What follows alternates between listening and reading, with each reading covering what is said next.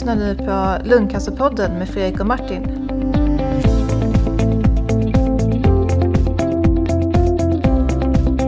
Hej och välkomna till Lungcancerpodden. Ja, idag är det tisdag och då känner man här i november att då är det dags att podda med Lungcancerpodden. Eh, Jag, personligen kommer jag precis hem från soliga Florida. Eh, Men Martin, eh, du är med va? Ja, jag är här. Ja. Eh, I ett och- regnigt Uppsala ska jag säga. Ja, ja, just det. Och det är samma, samma sak här i Stockholm faktiskt. Eh, och, eh, eh, jag, senast jag såg det, eller jag såg det inte, men jag såg faktiskt på en videoinspelning idag så var det på lungcancerdagen och eh, fick pris för oss. Ja, shit. Jag grät som ett barn. jag var så sjukt rörd. Och jag, jag, jag var så rörd så att jag glömde bort att säga att liksom, den stora delen kanske egentligen skulle vara din. Nej, Eh, jag tänkte det var underförstått. jag hade också stått och grått där, gråtit där hela, så det hade blivit böl, bölframträdande från oss då. Nej, det var otroligt. det, var, det var helt fantastiskt att, att få känna det här att, att folk lyssnar och uppskattar det. Det är ju så himla mycket värt. Ja, det tycker jag också. Det känns verkligen som... Eh, I början var den här lite podden, eh, det blev ju på något sätt någon, någon sorts liten... Eh, får man säga det? Egotripp. Men det är ju kul att liksom... Eh, eh att, att göra det här också, liksom känna så. Men nu tycker jag liksom det har blivit mer och mer eh, om budskapet här på senare. Och ja, det visar sig också att, att budskapet eh, verkar uppskattas av många. Bland annat då eh, den här eh, journalistpriset vi fick. Så att, ja, det är ju otroligt roligt. Verkligen jättekul. Mm. Så nu har vi liksom blodad tand och ska göra bra radio här framöver. Ja, exakt. Eh, och idag har vi faktiskt med oss en gäst. Vi har med oss eh, Fatima Danstedt. Hej Fatima! Hej. Hallå? Eh, ja, hallå? Eh, Berätta lite om dig. Du, är kurator kan vi börja med att avslöja. Men berätta lite om din eh, bakgrund och sådär. Det vore spännande att höra. Ja. Jag heter som sagt Fatima Danstedt och jag är 44 år. Jag har jobbat jättelänge som egen företagare där jag bokade folk till marknadsundersökningar. Men för sex år sedan så blev en av mina bästa vänner sjuk i cancer och eh, jag följde med på den resan som det innebar. Och tyvärr gick hon bort och då tänkte jag att jag ville skola om mig och göra någonting annat som var lite mer betydelsefullt. Så jag satte mig i skolbänken på äldre dagar och pluggade till socionom. Och idag så arbetar jag då alltså som kurator och är på lungdagvården och lungmedicin på Karolinska. Wow! Wow, ja. Vad coolt. Ja, Vilken switch. vad sa du? Vilken switch. Ja, det, var, det kan man säga. Och jag måste säga att jag älskar mitt jobb. Jag har aldrig haft ett så roligt och intressant och givande jobb som det här, måste jag säga. Mm. Ja, och då, det är ju helt fascinerande att man kan känna det. För jag kan ju tänka att liksom, jag skickar ju liksom det som nästan är jobbigast som jag träffar på dagen till kuratorn. Eh, jag är ju också lite så här så att jag tycker att det är helt fantastiskt med de här samtalen och, och att man får komma så nära. Men det är ju just det, jag tror att man måste vara lite speciell för att, alltså, för att uppskatta det så himla mycket och orka framförallt. Eller? Mm. Jo, absolut. Det är många när man berättar för folk som man känner och knappt känner och sådär vad man arbetar med så är det många som bara gud, det skulle aldrig jag orka. Mm. Men, eh, men det är väldigt, väldigt givande. Eh, och, och intressant och en ynnest att få vara med och hjälpa och stötta personer som, som eh, befinner sig i en svår situation, Mm. tycker jag. Jobbar du då som kurator i eh, vården eller på sjukhus?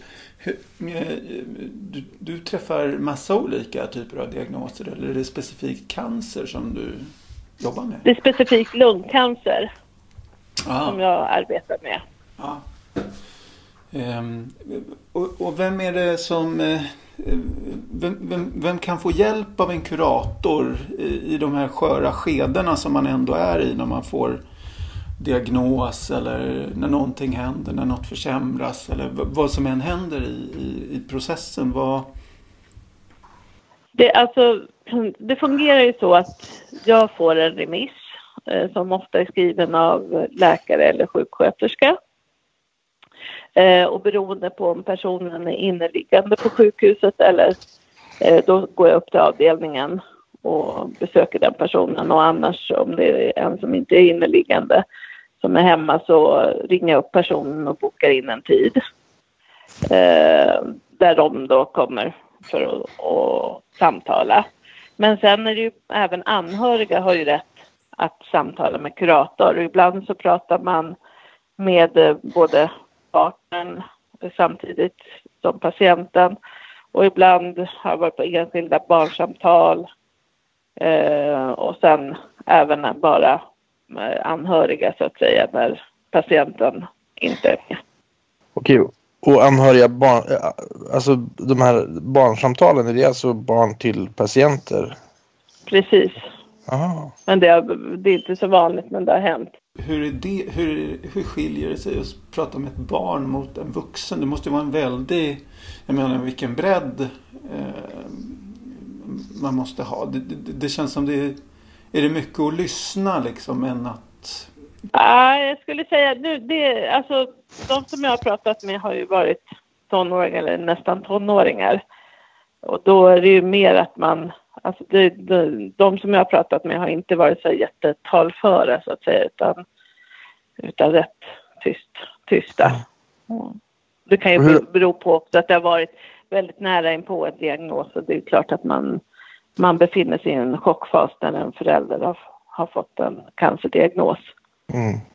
Och hur, hur kommer det mötet till stånd så att säga? Är det de som ber om det eller är det du som tar kontakt utifrån att du vet nej, det, nej, då har det varit eh, föräldrarna som har bett om det. Mm. Eh, vid enstaka fall kan man också få remisser där läkarna eller, inte, eller sjuksköterskorna inte har pratat med eh, personen om kuratorshjälp utan de har bara själva antagit att den här personen behöver en kurator. Och det är inte alla som vill det. Så det har ju hänt att jag har, har och bara, nej men jag vill inte träffa någon kurator. Mm. Så det är rätt viktigt att, att personalen, alltså att de, om de föreslår det, om inte patienten själv föreslår det, utan de säger att vi har en kurator på plats, att man faktiskt frågar, vill du träffa en kurator, inte bara antal. Mm. För det är ju ganska vanligt upplever jag att många liksom slår ifrån sig den möjligheten. Eh, man tycker att man har eh, möjlighet att prata hemma vid eller att man inte behöver prata och sådär. Hur, hur, ser du på den biten? Alltså hur pass mycket ska man ligga på där tycker du som, som vårdgivare? Eh, jag tycker att om precis initialt liksom så kan man ju meddela att det finns kurator på plats, man har rätt till det. Eh, och att även anhöriga så att man i alla fall får den informationen. Om de då sen säger så här, nej vi är inte intresserade, då kan man ju kanske ta upp det sen vid nästa återbesök. När det har gått ett tag och höra efter liksom, kommer du ihåg att jag nämnde att vi har kurator här, är det något som du skulle vara intresserad av? Mm. Men det blir inte bra om det är någon som inte vill liksom. Då, mm. Det blir inte ett bra samtal. Mm. Nej, nej, precis. Samtidigt som det också är väldigt svårt för oss som inte är kuratorer så att säga att riktigt ha koll på hela bredden av vad ni kan göra. Så för jag, jag tror att om du skulle beskriva ditt arbete så tror jag nog att det skulle vara annorlunda än vad jag skulle beskriva det som. Eller, och framförallt vad många, vad, vad många har bild av en kurator. Ja, alltså vi, vi erbjuder det. Så det är såklart samtalsstöd, samtal i olika former, krissamtal och bearbetande samtal Eh, för både patienten och anhöriga. Men sen kan det ju också vara vissa som behöver praktisk hjälp eh, och ren information, till exempel att eh, det finns något som heter närståendepenning. Att om man är svårt sjuk så kan anhöriga eller vänner med samtycke från patienten ansöka om närståendepenning och vara, och vara borta från jobbet och istället vara med, med sin partner eller sin kompis eller vad det nu kan vara och ansöka om det från Försäkringskassan. Sen är det ju många av de, den patientgruppen som jag har som, och det är såklart när man blir svårt sjuk så drabbar det ofta ekonomin. Mm. Och då kan man ju också få hjälp med att vi kan hjälpa till att söka fonder. Mm. Ah, så du kan fungera lite som en guide i, i eh, de avseendena också? Ja, Eh, jag kan till och med, alltså vara vara den som skriver själva intyget och skriver även den sökandes motivering om det är så att den inte orkar. Och liksom på uppdrag av den sökande så skriver jag sökandes motivering. Och vad kan det vara för, för det är ju någonting tror jag som väldigt få som inte träffar kuratorn är medvetna om finns. Alltså, vad, vad, är det för typ av stöd man kan erhålla då och hur pass vanligt är det liksom sådär att man, som när man söker forskningsmedel, att man i princip måste skicka in 90 ansökningar, för, eller 90 kanske man säger, men att man måste skicka 10 ansökningar för att få, få en gång? Eller liksom, är det så att man faktiskt, att det är värt att... På Karolinska så har de en fondmedelsadministratör och fondhandläggare som då själva letar fonder. Okej. Okay. Där, där man fyller i då, man skriver ett intyg och sökanden ska skriva motivering och man måste också bifoga eh, förra årets inkomstdeklaration. Eh, för det är någorlunda liksom, om man tjänar väldigt bra med pengar så är det inte sannolikt att man får något fondmedel beviljat. Eh, så. Sen finns det ju andra som man kan söka också, cancerhjälpen och andra, andra fonder som, som jag kan leta upp själv så att säga mm. och söka ifrån. Och en annan sak som också eh, finns är ju möjlighet till rehabilitering. Dels via landstinget eh, och dels via en organisation som heter eh, cancer, Kuro, Cancersjukas riksförbund. Där man också kan eh, ansöka om rehabilitering mm. på olika ställen. Och det, hur många är det som vet om att det finns sådana när, när du träffar patienter? Som är medvetna nej, men de vet möjligheten inte om finns. det. Nej. nej. men det är klart, det nej. Och det är därför det, det ska jag informera om mm. såklart. Uh, så att det, det är jättebra om man får möjlighet att åka iväg på rehabilitering eller att man får tillskott i kassan om det är så att man har ekonomiska svårigheter. Mm. Jo, och just det där tror jag är så otroligt mycket värt för vissa. Alltså för det är ju, det, det är ju jättetajt för många och just om man blir sjuk dessutom så blir det ju ett avbräck på ekonomin. Jag kommer ihåg en, en av mina patienter som, som jag hade noterat att han hade lite trasiga glasögon sådär, men, men tänkte väl att ja, det är väl som det är sådär. Eh, och att han kanske inte brydde sig så mycket. Men sen så klagade han ofta på att han hade ont i huvudet och jag gjorde säkert tre stycken datortomografier för att utesluta att det var någon spridning och det var det aldrig. Eh, men sen rätt vad det var så hade han i alla fall fått tack vare våran eh, kurator eh, till, ja, han hade fått eh, möjlighet att köpa nya glasögon på någon sån här fondanslag och, och, och sa att han hade ju inte bytt på tio år och helt plötsligt så var huvudvärken borta. Nej. Eh, och, och då hade det säkert gått ett år alltså, och liksom, det hade, det liksom hade inte slagit mig att så där kunde det vara. Det var ju klantigt säkert av mig såklart men, Nej, men eh, det är så sorgligt att det tänker... finns så mycket sånt där som, jag menar, som faktiskt lägger sten på börda på något sätt. Han hade kunnat mm. må mycket bättre om han hade fått det där fixat tidigare. Men, men Absolut. Ja.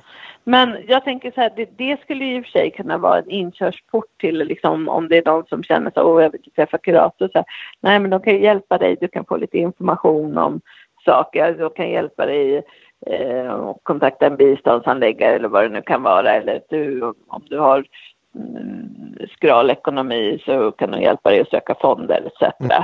Så det kan ju vara en inkörsport att man börjar där, liksom kan få hjälp med praktiska saker. Och då är det möjligt sen att det lossnar, att man kanske känner att jo, men jag vill faktiskt prata. Mm. Och sen behöver det inte vara så heller, utan det kan ju räcka med att man att man har ett väldigt stort socialt nätverk och är nöjd med det. Så kan det också vara. Ja, just det. Så ni kan liksom både fungera lite som en guide men sen är ju även eh, folk får dryfta sin situation med er och, och prata eh, liksom vad händer nu och vad... Eh, jag, kan tänka mig att många... Jag, jag har ju tidigare själv gått eh, personligen hos, i psykoterapi i början av eh, mm. min behandling och sådär. Liksom rätt tung man liksom funderar på livet och, och liksom mm. världen och sådär. Jag antar att, att, att, samtalen med dig kan vara eh, liknande. Ja, och visst kan det vara det. Och jag känner att en del, alltså ofta, eller inte ofta ska jag säga, men det händer ju att de, när de har fått ett diagnosbesked så har de kanske inte fått det på allra bästa sätt. Så att de, att, eh, ja, de känner att de eh, inte har fått tillräcklig information eller att läkaren inte eh, Alltså, jag tror att väldigt många upplever när de får sitt cancerbesked så, så fort de hör ordet cancer då orkar man inte lyssna mer på det här första samtalet. Man kan inte ta in det läkaren säger mm. för att man är i chock. Och särskilt om man är där själv och särskilt som en del också faktiskt inte ens har haft någon aning om varför de är där. I enstaka fall har det även hänt. Mm. Eh, och, och då kommer de och så och då kan det ibland vara felaktiga uppgifter att jag gått tillbaka till läkaren. Stämmer det här att den här personen, att du har sagt att den här personen bara har tre månader kvar att leva? Nej, det har inte jag sagt. Alltså sådana saker mm. eh, har, det, har det hänt. Eh, och jag tycker att, att det är viktigt att försöka, att, min uppgift i alla fall, jag försöker eh, förmedla någon form av hopp. För att, och det har jag fått väldigt mycket på grund av eran podd också. Mm.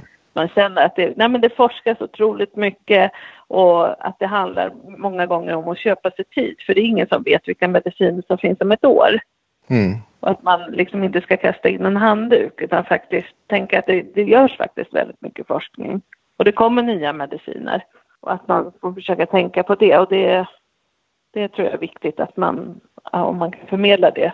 Lika viktigt som det är också att, eh, tycker jag, att det är den som är sjuk som får hålla i taktpinnen. Att jag, att jag lägger mig på den nivå där patienten befinner sig. Mm. Alltså du, du, måste ju vara en väldig... jag, alltså, jag skulle nog vara en väldig vårdkonsument tror jag om jag, om jag hamnade på andra sidan mitt skrivbord. Sådär. Just för att jag känner liksom att vi kan, och det är väl lite grann för att man vet vad mycket som ska klämmas in just hos ett läkarbesök till exempel. Där, där skulle man ju egentligen vilja ha två timmar för att prata kring en diagnos och, och kunna mm. liksom ta allting steg för steg och kunna gå igenom alla prover och, och planering framöver och sådär. Mm. Men ofta så har vi ju förhoppningsvis en timme men inte sällan så är det så att det är så jäkla knökat i, i mottagningslistan och sen så är det en ny diagnos som, som kommer och sen så istället för att den personen då ska få vänta kanske en vecka på att få starta sin behandling och få sin diagnos och så vidare så liksom knör man in det lite grann på en halvtimmes tid och att ge en diagnos på en halvtimme det är, det, det är ju fullständigt orimligt naturligtvis eh, mm. när det rör sig om den här typen av diagnoser. Eh, mm. Att, att, kunna ge liksom en fullödig bild då av dels då vad man har gjort, vad, vad det har visat och vad vi planerar att göra och dessutom fånga upp olika typer av känsloyttringar och eh, mm. oro, tillstånd och allt vad det kan vara. Det, det, går liksom inte och därför tror jag att det är så himla viktigt att få möjlighet just att komma till någon som har som sin uppgift mycket att vara någon att prata med så att säga och försöka hitta mm. vägar och, och, hitta saker som är viktiga att bena, bena ut så att säga i det som man kanske går omkring och grunnar på för tillfället. För det, där är vi oftast mm. inte tillräckligt tillgängliga, vi doktorer. Nej men alltså, och det handlar ju som sagt också om, om personal, det handlar om tid och ja, det är väldigt många faktorer som spelar in. Så är det ju. Visst är det så. Mm. Och även som sagt det här första, första samtalet bara, att jag tror att, att eh, ja, man kan nog inte ge så jättemycket information. Alltså jag tror inte att man har möjlighet att ta in så himla mycket. Det skulle vara bättre om man hade ett snabbt återbesök där någon fick möjlighet att skriva hem frågor hemma mm. och komma tillbaka med. Är det lite så här att, att eh, folk kanske drar sig för att gå Ehm, till kuratorn för att, för att det liksom är någon sorts skämstämpel på att när du, jag bröt ihop och klarade inte det här själv. Eh, jag tror att i, i, i USA, där är det ju liksom mer kanske poppis eller allmänt accepterat att var och varannan har sin egen shrink eller liksom att det är mer, är mer folkligt där kanske. Jag vet inte, är det, finns det någon sån att det liksom, nej men jag behöver inte kuratorkänsla i korridorerna eller? Nej, alltså jag får, jag får i alla fall inte det intrycket. Det är nog snarare tror jag att det kanske för jag kan tycka ibland när jag sitter, jag är ju med på vissa sådana sjuksköterskeronder uppe på den avdelningen där folk är inneliggande. Och så brukar jag fråga ibland och så liksom, ah, är det någonting till mig? Sådär, nej ingenting. Och då kan jag ibland tycka så här, fan vad konstigt, det här ligger jättemånga som är väldigt sjuka. Det är konstigt att ingen av dem känner, att, känner ett behov av att prata. Mm. Eh, men, och då vet man ju inte heller, har, har de fått frågan, vet de om möjligheten? Men som sagt, det är en jäktig miljö idag på sjukhuset. Liksom, det är mycket press på personalen. Eh, och då kan det ju bli så att det blir liksom inte prio ett att fråga, vill du prata om med en kurator? Mm. Ja, det stämmer nog mycket. Där, vi har försökt göra så uh, ja, på vår lungutredningscentral då, som vi har i Uppsala. Eh, att, att man ska, dels i, i, perioder så har vi haft att, att man verkligen träffar ett team med kurator och, och dietist och, och kontaktsjuksköterska så att man liksom alla någonstans får en bild och får möjligheten att få ja, se vem det är som man skulle kunna träffa om man behöver och så att säga skapa den här kontakten. Sen så har vi väl i, mm. i perioder där det har varit lite mer pressat tidsmässigt gått över till att kontaktsjuksköterskan mer diskuterar det här löpande så att säga. Mm. Um, men, men jag tror nog att alltså, det finns en, nog en, en liten fara i det här att ofta så jobbar kuratorerna lite grann på sidan om det här medicinska teamet med sköterska, läkare och kanske någon undersköterska som sköter mm. liksom allting kring utredningen och så kopplar man in kuratorn men då, då, är risken att man glömmer bort att koppla in kuratorn så att säga och det, det just i den här lite pressade situationen och alla, man, man, ska hinna med att skriva en massa remisser hit och dit och liksom och så glömmer man att kuratorn för det är inte livsnödvändigt tycker man i den stunden men samtidigt kanske det är det som kan göra mest nytta för vissa per, personer sådär så att ja. Ja, är, alla delar är viktiga på, på olika mm. sätt så att säga. Mm. Verkligen. Du eh, Fatima, du har skrivit en, en eh, C-uppsats om copingstrategier. Eh, ja. Eh, berätta lite om den. Ja, jag skrev ju min eh, C-uppsats som sagt om copingstrategier för föräldrar med minderåriga barn boende hemma. Eh, och gjorde också, tittade lite grann om det var skillnad på manligt och kvinnligt. Eh, och då kunde man ju komma, eller då, jag gjorde en litteraturstudie så jag kollade på tidigare forskning. Och en sak som den vanligaste och liksom mest uppskattade copingstrategin det var rutiner och struktur. Eh, just för att rutiner det, det skapar ju trygghet eh, mm. och struktur skapar kontroll vilket minskar ångest. Eh, och det är liksom skönt att om man kan leva som vanligt så långt det är möjligt så att säga Eh, det framgick väldigt, väldigt tydligt. Eh, och, det är alltså lite grann att, förlåt, lite grann att mm. försöka återskapa en vardag på något sätt eller? Mm. Så att, att, att komma bort att inte hela tiden heller behöva tänka på att jag är sjuk.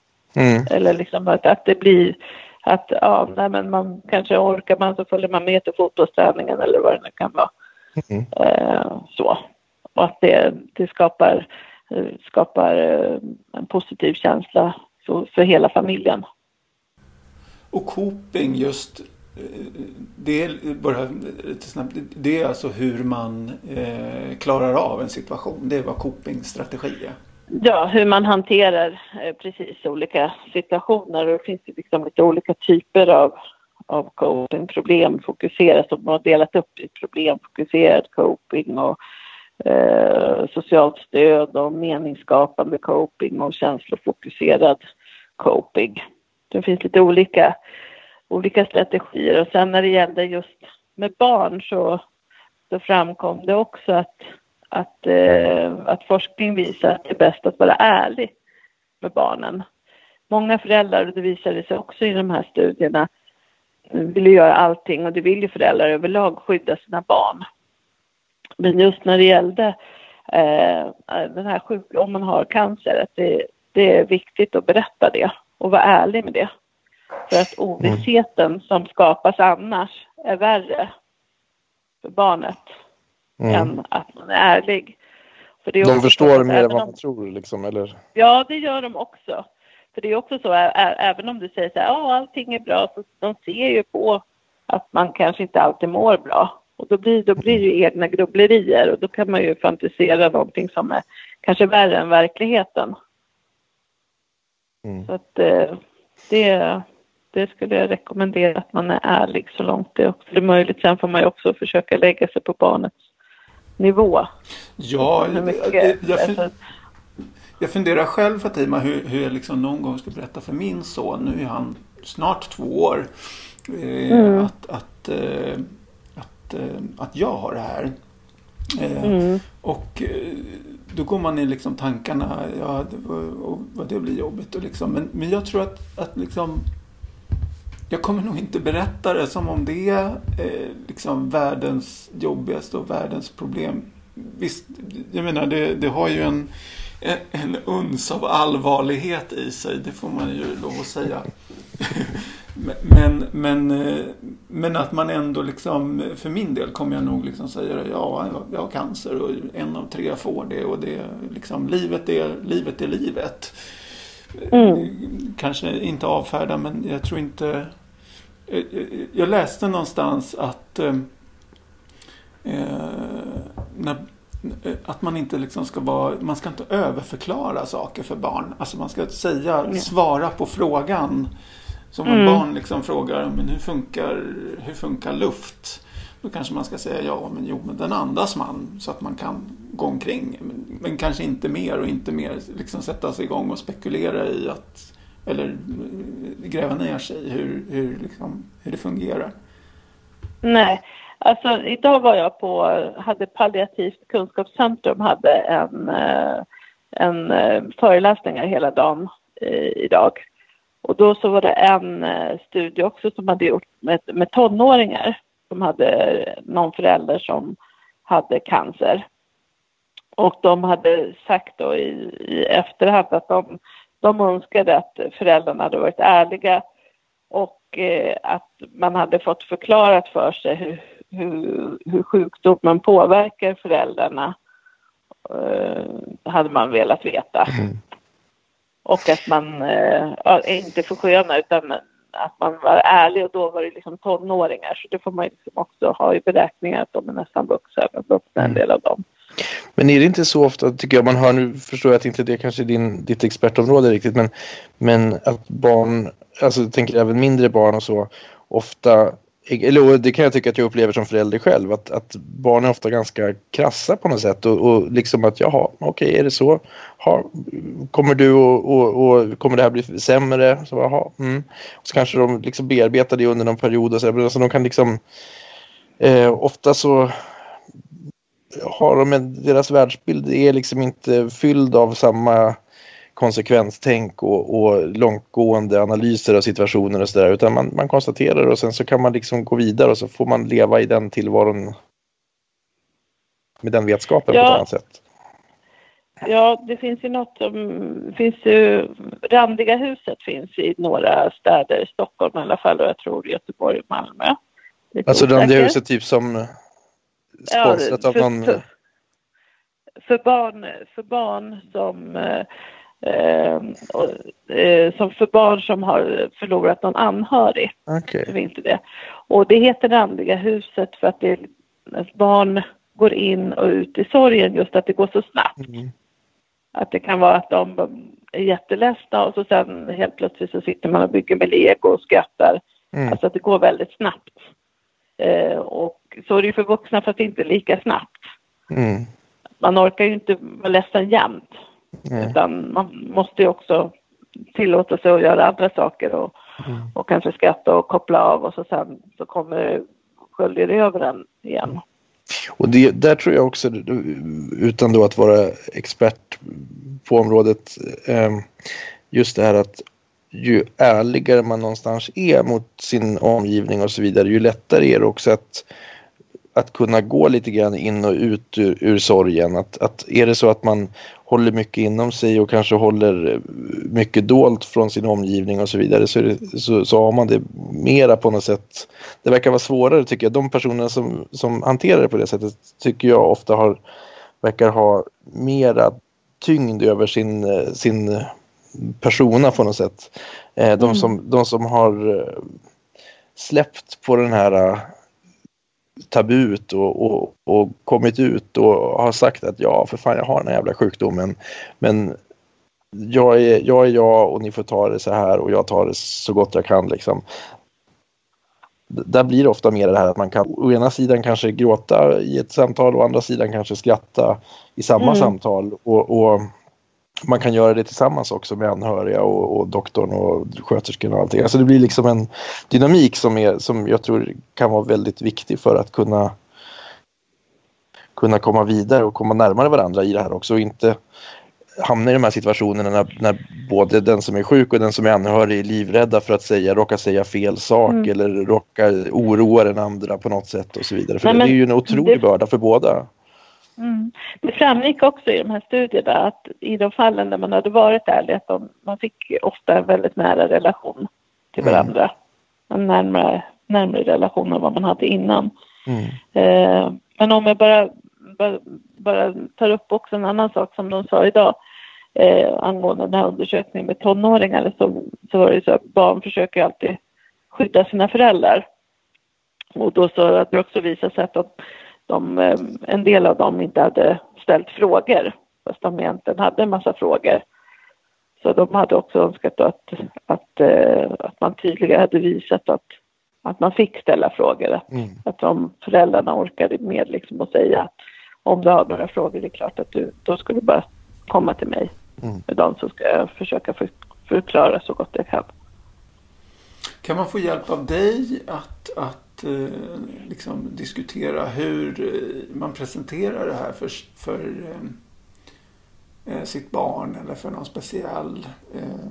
Ja, jag, jag, skulle absolut kunna bolla. Sen är det ju liksom upp till, till var och en så att säga. Jag sitter inte inne med vad som är rätt och fel i någon situation.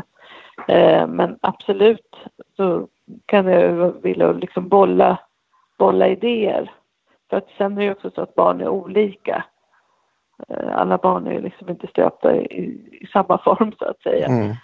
Eh, men att man, till exempel ett tips är också att man då förbereder sig som förälder innan på olika sätt att barnet kan tänkas reagera på hur man, hur man skulle hantera det då. Är det inte så att man ofta, lite grann som man tenderar att göra tycker jag när man sitter och funderar igenom scenarier, typ som när man sitter och funderar igenom scenariot att gå till sin doktor till exempel, där det oftast så att säga innebär det absolut värsta. Eh, att Dels kanske att man om man funderar för mycket så kanske man riskerar att göra det för svårt också men kanske också att man faktiskt blir positivt överraskad när man väl gör det för att mm. det ofta kanske går lättare än vad man tror och att de flesta kanske egentligen, som, som vi var inne på lite grann, att ofta så kanske de, de i omgivningen vet mer än vad man tror och, och har förstått mer än vad man tror och, och det är snarast en lättnad att faktiskt man får börja prata om det liksom. Mm. Kanske. Ja, jag tror, ja, det tror jag nog att det kan mm. vara så. Sen tycker jag också att det just eh, att det är viktigt att man också meddelar skolan eller dagis. Så att mm. de i alla fall är uppmärksamma på ifall det sker några förändringar i barnets beteende så att de vet om varför det kan vara så. Ja, det här har varit en jätteintressant samtal Fatima. Ehm, jag bara slutligen vill bara fånga upp där igen. Så att här sitter man på läkarsamtalet med, med doktor Martin och så han, har, han har liksom tabbat sig fullständigt och bara ja, ja, precis. eh, och, och om man sitter där med sin fru eller med sin, sin äldsta dotter eller någonting. Eh, och vem kan då, kan man då liksom säga att men, vi skulle vilja prata med en kurator eller kan dottern liksom sen efteråt säga till Martin att ja, men, kan, jag få kurators, kan jag få kuratorstöd för jag vet inte riktigt hur jag ska tackla det här. Hur, hur går det till? Kan Martin då skriva en remiss? Och så... Då, ja, då skriver han en remiss. Mm. Och sen det har också hänt att de har ringt på mig eh, och att jag har varit tillgänglig så att jag har kunnat komma direkt, mm. direkt efteråt och prata med dem. Ja, just det. De har fått besked. Precis, och det är ju så att som, som läkare så blir man ju ofta närmast glad om man får den frågan. För man känner ju ofta ett behov av att fördjupa och, och kunna, kunna ge mera stöttning än vad man kan göra i de här situationerna som, in, där, där, som innefattar så väldigt mycket fakta och man vet, man sitter ju där och babblar en massa fakta och så vet man att de flesta inte kan ta in det. Men, men, samtidigt så har vi liksom en uppgift att vi, vi, måste på något sätt gå igenom det här i, i den situation som det ser ut nu då i alla fall. Så att mm. jag tycker jag blir ju jätteglad om, om, om någon faktiskt ber om att, att få en kuratorskontakt tidigt. Alltså jag tror det är jättebra att, att ha. Är det vanligt? Verkligen? Nej, tyvärr så är det inte så vanligt. Eh, tyvärr. Utan däremot så, så vet jag att, att det händer att det kommer sen att vi brukar ha ett återbesök hos, hos kontaktsjuksköterska och, och så att, att, när man har fått gå hem och smälta lite grann och så så, eh, så, så, kan det ha kommit upp och, och, det kan vara liksom tydligare att det här behövs. Så att säga. Jag, jag brukar alltid mm. informera om att vi har våra kuratorer och att vi kan hjälpa till med den kontakten och att ja, försöka då ge lite mer den här bredden av det utbud som finns för att peka på att det kanske inte bara är det bara och bara, men det är inte bara samtalsstöd. Vissa har ju svårt att liksom ta emot den typen av hjälp och tycker att det är lite kymigt upplever jag.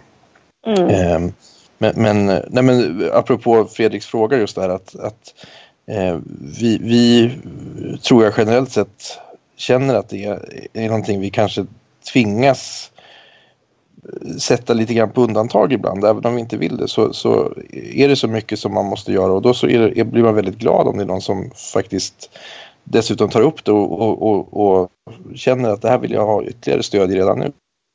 Så att säga, mm. För då fångar man upp det tidigt. Det tror jag är jätteviktigt. Det visar ju, visar ju studier och så också, just det här att, att ha en kontakt och att skapa trygghet och lära sig mer om sin sjukdom och, och vad vården har att erbjuda och så vidare. Det ger en bättre livskvalitet och, och, och ökad trygghet och trygghet är jätteviktigt. Det är väl kanske egentligen det viktigaste vi kan erbjuda, just tryggheten. Det gör ju att man vågar leva på något sätt. Ja. Fredrik, jag tänkte bara höra, blev du erbjuden? Eh, ja, det blev jag faktiskt. Jag pratade med en kurator flera gånger. Eh, men sen kände jag väl att jag ehm, eh, jag var en för svår nöt att knäcka allting. Nej, jag vet inte. Men jag, jag sökte mig till en egen psykoterapeut som jag hade jättemycket eh, nytta av. Och, eh, så det var inget mot eh, liksom kuratorfunktionen eller så utan det passade bara mig bättre. Men jag, jag, mm. men jag tror liksom bottom line är väl att ingen är liksom stark i det här själv utan jag tror att, jag menar varför ska man inte, om det finns en hjälpande hand där som kan liksom coacha en i olika, men så här kan du göra, det här kan du göra, erbjuda samtalsstöd och eh, och, och dessutom kanske vara en del i den viktiga kontinuitet som eh, vården behöver och som man behöver liksom som patient i vårdkedjan. Då förstår jag inte eller då är det självklart att man ska ta den. Det är klart att man ska gå till en kurator. Det är en fantastiskt bra eh, sak som finns. Ja, alltså om man själv vill så vill jag bara tillägga för att det liksom sagt, jag, det, jag tycker det är väldigt viktigt att eh, patienten själv får, får välja det. Självklart. Och faktiskt inte, inte pracka på uh, någon eller... Nej men absolut. Nej, men, men det håller, absolut, det håller jag med om också. Att det är klart man inte ska pracka på. Eh, ja, mot, ja, mot här, här får du en ny bil. Ta den, ta den. Nej, men jag fick en förfrågan faktiskt en gång. Så här, eh, Fatima, jag tror att jag har en patient eh, till dig. Så här, så här, ja, det är en eh, äldre dam över 80 år och hon har spridd lungcancer och hon, hon vill inte ha cellgifter. Och då så kände jag, nej men jag tänker inte övertala henne till det. Det måste hon, man får respektera den, mm. den eh, damens val. Mm. Så den, den typen av uppdrag tar jag inte. Nej, jag förstår. Men samtidigt kan det ju vara kanske ännu viktigare än att hon tar cellgifter, att hon får det stöd hon behöver i, i det valet hon har gjort. Och, och, så jag förstår att var uppgiften att, att tala henne till Övertala henne, då, ja. ja. men precis, ja. det, det, är ju väldigt, eh, det, det, det förstår jag, det, är inte din uppgift naturligtvis. Utan det, och det handlar ju liksom om den här med, så det viktiga någonstans tycker jag i vården är det här med autonomi, att, att man måste känna att det är man själv som har möjlighet att välja. Sen så ska man inte alltid mm. behöva göra valen, utan det ska ju vi hjälpa till med. Vi ska inte lämna över beslutet så att säga till de som inte vill ta beslutet. För det är vi som kan det och det är vi som har den bästa överblicken av all kunskap. Många vill ju att vi ska leda och guida dem så att säga. Men man måste samtidigt ha möjligheten alltid att få vara vuxen och bestämma över sitt, sitt liv. Det, det är ju grundläggande. Annars så att vårda för liksom vårdandets skull känns ju oerhört dåligt helt enkelt. Alltså, det, då har man glömt bort det här att det är ju livet vi ska värna och då menar jag inte livet just i dagar utan livet som en källa till glädje och, och, och kvalitet för varje individ på något sätt. Mm. Tror jag. Ja. Fast då är jag ganska så, jag kanske gör det för mycket. Jag har fått frågan liksom så här, får jag ta något glas vin? Jag, liksom, då blir jag jätteglad. Det tycker jag absolut, det ska du göra. Då känner jag att, att, min behandling har lyckats och man faktiskt är sugen på ett glas vin. Ja, Nej, men jag brukar också få, liksom, liksom, bara påminna, hallå du lever. Du, du är inte död utan du lever och, och försöka njuta, njuta av livet. Men eh, det är klart att det också att sen får man väl också acceptera att det som sagt många gånger går i vågor.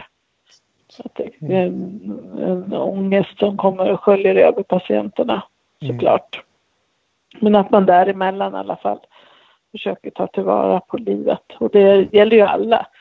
Absolut, ja, och det har vi konstaterat många gånger att det, det ska vi nog... Jag vet att jag bör tänka Ett addendum, det är ju verkligen så att, att som, som sjuk så inser man det att, eh, att eh, livet har ett slut. Och att det är viktigt att leva idag men planera för framtiden. Eh, men det kanske det mest udda och liksom när man försöker framföra det här till folk att det, det är liksom så vi lever mycket. Då tänker de att ja men jaha, de gör det där nu. Ja, det är klart de lever så för att eh, liksom, tiden är begränsad. Men, eh, och, och, själv, då gör jag det om, om 20 år. Mm. Förstår ni liksom? Mm. Dilemmat mm. är är ju att, att eh, att man, jag trodde heller aldrig att jag skulle bli sjuk. Jag trodde också att jag skulle kunna liksom jobba mer på mm. min golf när jag var 80. Men eh, nu blir det så att, att liksom, eh, man får prioritera lite istället och välja vad man vill liksom jobba på och göra det lite snabbare och leva lite mer mm. helt mm. Ja, det är konstigt hur människan fungerar. Man önskar ju alltså att, att man kunde ha det, det sättet att tänka fast man inte var sjuk så att säga. Att man ta tillvara på dagarna bättre. Man, man har på skygglapparna in i det sista på något vis. Mm. Eh, det hade jag själv också.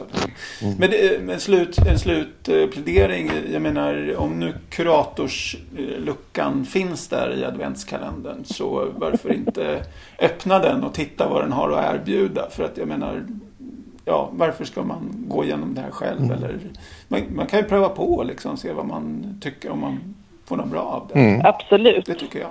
Absolut. Det tycker jag också. Fatima, tusen tack för att du var med idag. Det har varit jättebra samtal, men det är väl du som har styrt i det här så att det har blivit så bra. Mm. Eh, tack eh. själva och som sagt tack snälla för att ni är så välförtjänta det här priset och, och en otroligt uppskattad podd. Tack. Tack så mycket. Tack. Hej. Hej då. Tack för att du lyssnade på Lungcancerpodden med Fredrik och Martin. De senaste avsnitten hittar du alltid på lungcancerpodden.se eller i din podcastapp.